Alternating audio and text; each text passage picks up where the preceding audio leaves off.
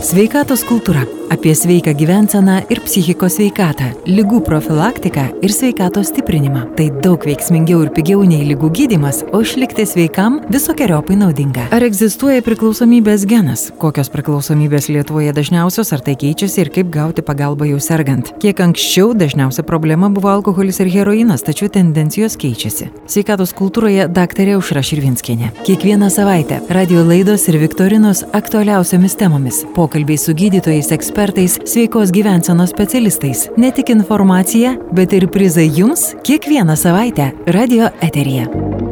Kokios dažniausios priklausomybės Lietuvoje, kur kreiptis pagalbos, kai jos jau reikia ir ar egzistuoja priklausomybės genas?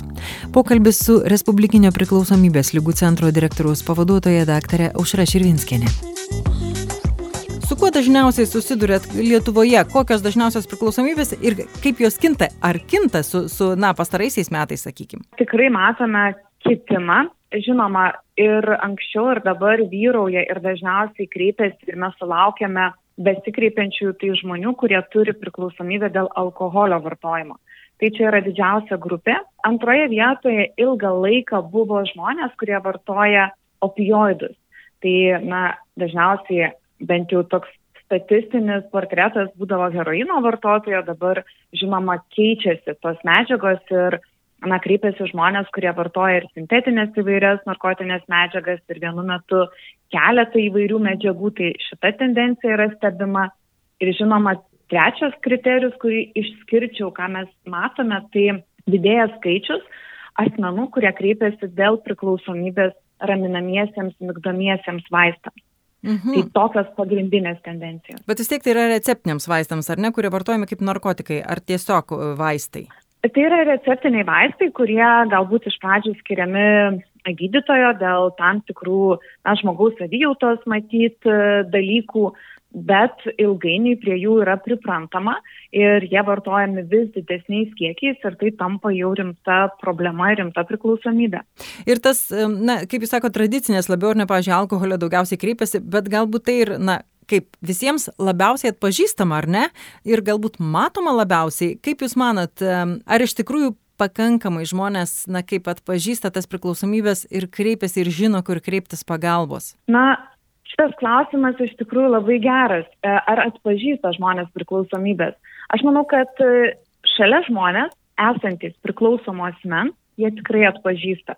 Bet ar pats žmogus, kuris jau turi šitą problemą, atpažįsta, čia yra kitas klausimas. Tai dažniausiai žmonės, kurie jau turi priklausomybę, jie pradeda neikti, kad tai yra problema, kad tai yra priklausomybė ir šitą problemą mato visi, šitą lygą mato visi aplinkiniai, išskyrus patį žmogų.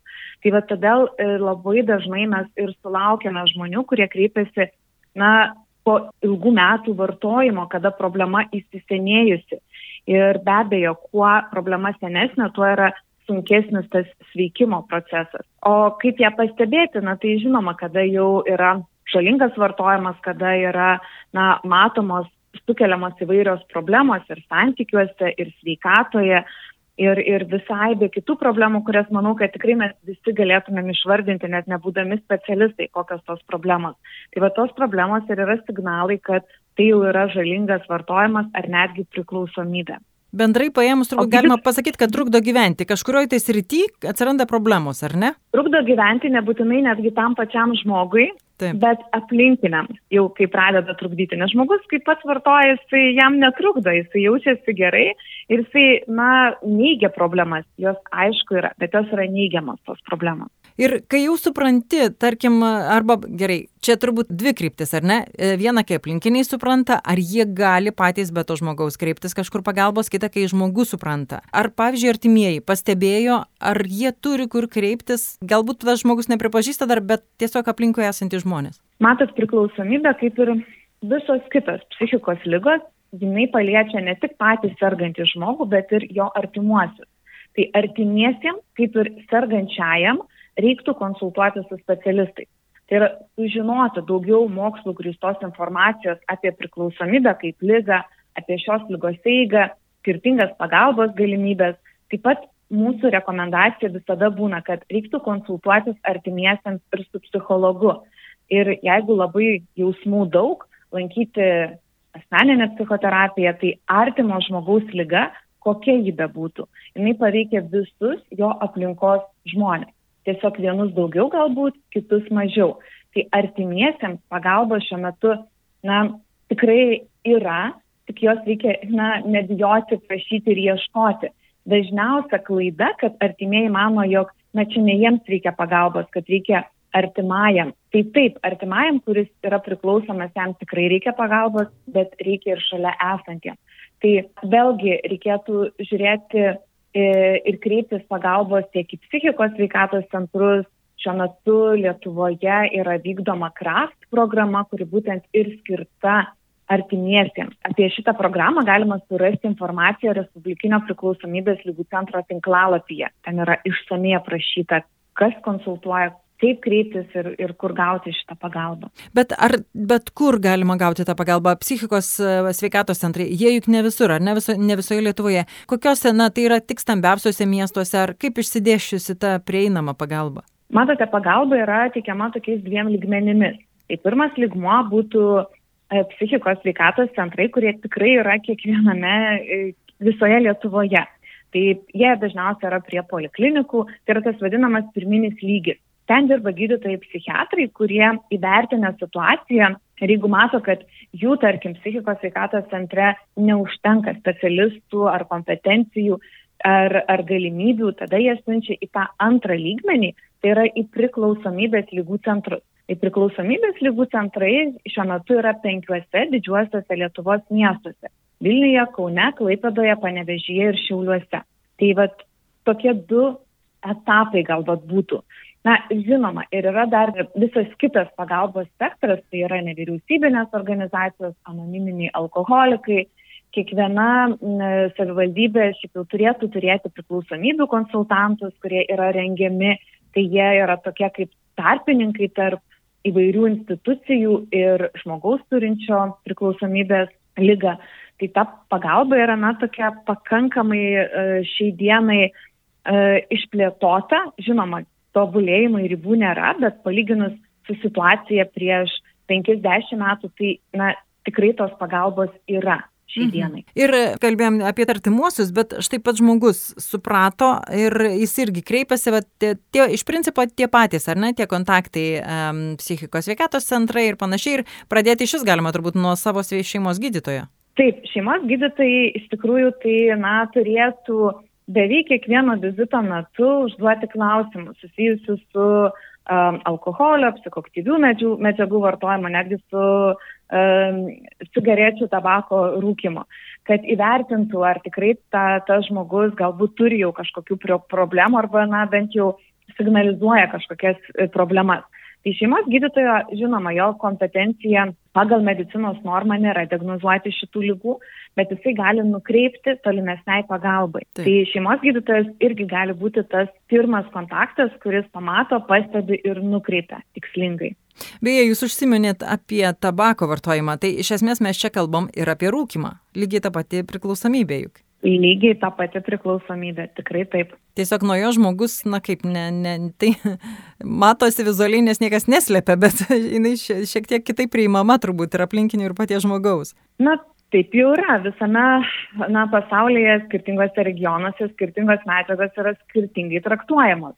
Vienur yra primtinos vienos medžiagos kultūriškai, kitur kitos, na, vienur stigmatizuojamos vienos medžiagos, kitur kitos, bet vienareikšmiškai yra taip, kad bet kuri psichoktyvi medžiaga, nesvarbu koks mūsų visuomenės požiūris ar kultūriškai išsivystęs ar, ar asmeninis požiūris, visos psichoktyvios medžiagos yra na, žalingos, gali būti žalingos ir gali sukelti priklausomybę. Tai ar nikotinas, ar, ar alkoholis, ar heroinas, ar kokainas tai yra vis tik psichoktyvios medžiagos. Štai sakot, pasaulis skirtingai ar netraktuojamos arba skirtingai priimamos ir toleruojamos tam tikros medžiagos. O imant Lietuvos mastu, ar yra kažkokie taškai, kur galbūt daugiausiai yra vartojamos į, įvairios medžiagos apie narkotikus, čia turbūt labiausiai kalbėtume, nes alkoholis tai yra viena, bet, sakykime, tie, tie jaunimas galbūt netgi mažiau dabar vartoja alkoholį, bet vartoja kitas medžiagas. Kur yra tie pavojingiausi taškai, galbūt matot, ir, ir kur labiausiai reikėtų, na kaip, nežinau, gal ir tėvams kam kreipti dėmesį? Na, Taip, aš galbūt galiu tik pacituoti Europos narkotikų ir narkomanijos monitoringo e, centro direktorių, e, sutrumpintai tas centras MCDDA vadinasi, ir jisai paskutinėje konferencijoje pristatydamas narkotikų e, paplitimo tendencijas pasaulyje, labai gražiai pasakė, kad šiai dienai narkotikai yra visur, mes visi galim su jais susidurti ir kažkokių išskirti ypatingų grupių, regionų tikrai neverta, nes visos grupės, visi regionai, na, gali gauti įvairių psichoktyvių medžiagų. Jos yra dabar tikrai pasiekiamas vienu klavišo paspaudimu interneto pagalba. Jaunimas eksperimentuoja, yra daug naujų psichoktyvių medžiagų įvairiom formom, ir, ir saldainių, ir ledinukų, ir guminukų, ir druskų, ir, ir panašiai pavydalu.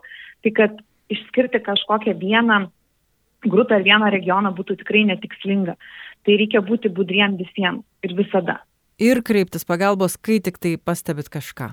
Jo, aš netgi net tikrai labai akcentuočiau, kad priklausomybę turinčiam žmogui, na, reikėtų laiku kreiptis pagalbos, kol lyga neįsisenėjusi. Nes tuomet, kaip ir bet kurią kitą lygą, gydyti lengviau ir pats gydimas yra efektyvesnis.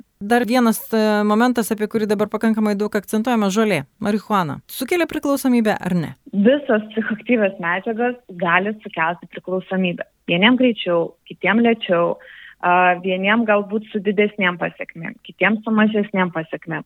Bet pasikartosiu, kad visos psichoktyvios medžiagos sukelia ir gali sukelti priklausomybę. Ar egzistuoja priklausomybės genas? Na, vieni užkimba, kiti ne, vieni gali gerti tiek, kiti ne tiek, var, tiek vartoti narkotikus, tiek lošti. Kaip žinoti, kad štai tau tai itin pavojinga, kad tai užtenka kitam vieno karto?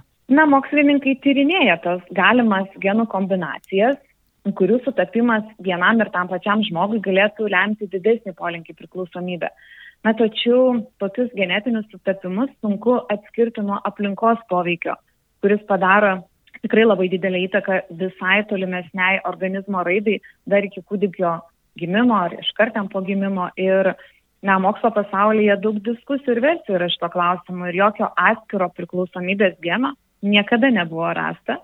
Tačiau šiandien aiškiai žinoma, kad pavyzdžiui, alkoholio vartojimą lemiančių faktorių yra daug.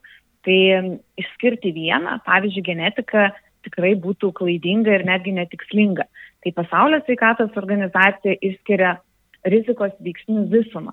Tai dažniausiai yra vardinami tokie rizikos veiksniai kaip asmeninis polinkis, kurį lemia amžius, kuo ankstesnėme amžiuje, tai yra kuo jaunesni žmonės pradeda bandyti eksperimentuoti su psichoktyvio medžiagom, tuo ženkliai didesnė pri, e, tikimybė, kad jie taps priklausomi.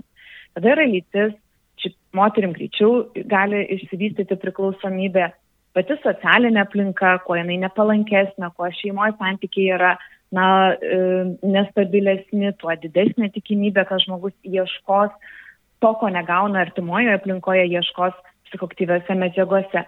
Ir be abejo, vienas iš tokių, kuris išskiriamas, tai yra socialinis pažeidžiamumas. Tai yra visa šalies ekonomika, ekonominis išsivystimas, sveikatos sistemos išsivystimas, bendras gerovės lygis, pati ta kultūra, žiūrėkit, pas mus, na, kaip ir pats alkoholio vartojimas yra labai toleruotinas, tačiau jau kai atsiranda priklausomybė, tada, na, pradedame stigmatizuoti tokius žmonės. Prieinamumas alkoholio ir taip toliau, tai, na, apibendrinant, tai reikėtų ne apie geną, genetiką kalbėti, bet reikėtų kalbėti apie tuos rizikos veiksnius visumoje.